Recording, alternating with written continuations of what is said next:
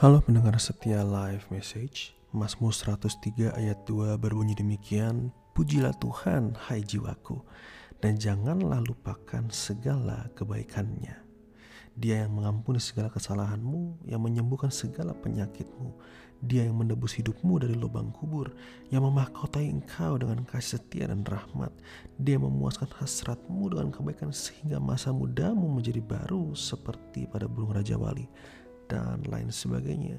Kita bisa melihat dari Mazmur 103, Tuhan sedang dipuji-puji. Tuhan sedang ditinggikan. ditinggikan. Ditinggikan atas apa? Ditinggikan atas segala kebaikan Tuhan yang sudah dia nyatakan dalam hidup kita. Waktu di akhir tahun ini Bapak Ibu Saudara kita perlu mengucap syukur dengan luapan yang luar biasa bahwa Tuhan aku bersyukur Tuhan memimpin aku sampai pada akhir tahun ini. Karena jangan sampai waktu kita sampai di akhir tahun, kita malah kurang bersyukur.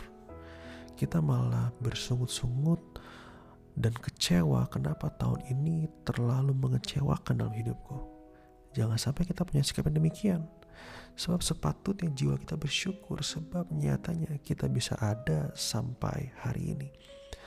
Nah Bapak Ibu Saudara, kalau kita berucap syukur, maka kita akan mengingat kebaikan-kebaikan Tuhan di awal Januari 2023 sampai akhir tahun 2023 ini. Terus bagaimana dengan penderitaan? Bagaimana dengan uh, kesengsaraan yang mungkin saya pernah alami di 2023? Bapak Ibu Saudara, mari kita lihat dengan kacamata Tuhan. Temukan kebaikan di tengah penderitaan. Karena sering kali banyak pelajaran hidup yang ingin Tuhan sampaikan melalui penderitaan saudara. Dan itulah yang disebut juga dengan kebaikan. Sebab kalau kita hidup di dalam tangan Tuhan yang utuh, apa pun yang terjadi dalam hidup kita pasti mendatangkan kebaikan.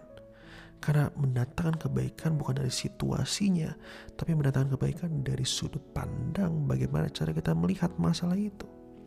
Bagaimana hati kita merespon masalah itu. Di situlah lahir ucapan syukur.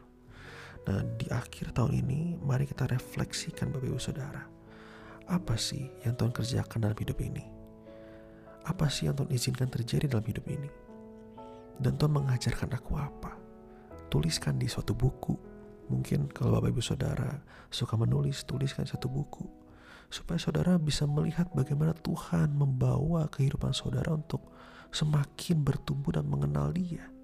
Dan dan progres pertumbuhan ini progres perjalanan iman ini menjadi menjadi kaca untuk kita berkaca oh betapa baiknya Tuhan dalam hidup kita. Dan di tahun yang akan datang aku akan akan lebih lagi mengucap syukur. Karena Tuhan begitu baik kepada aku kalau kita tidak mengucap syukur dan kita melupakan apa yang Tuhan kerjakan di tahun atau di awal tahun atau di tahun ini, saudara, percayalah, kita sering kali melupakan dan kita sering kali menjadi tidak taat karena kita lupakan kebaikan Tuhan. Hal ini tidak boleh terjadi di tahun yang akan datang. Oleh karenanya, ingat-ingatlah kebaikan Tuhan dan pujilah dia sebab dialah Tuhan yang maha baik. Dialah Tuhan Raja atas hidup kita.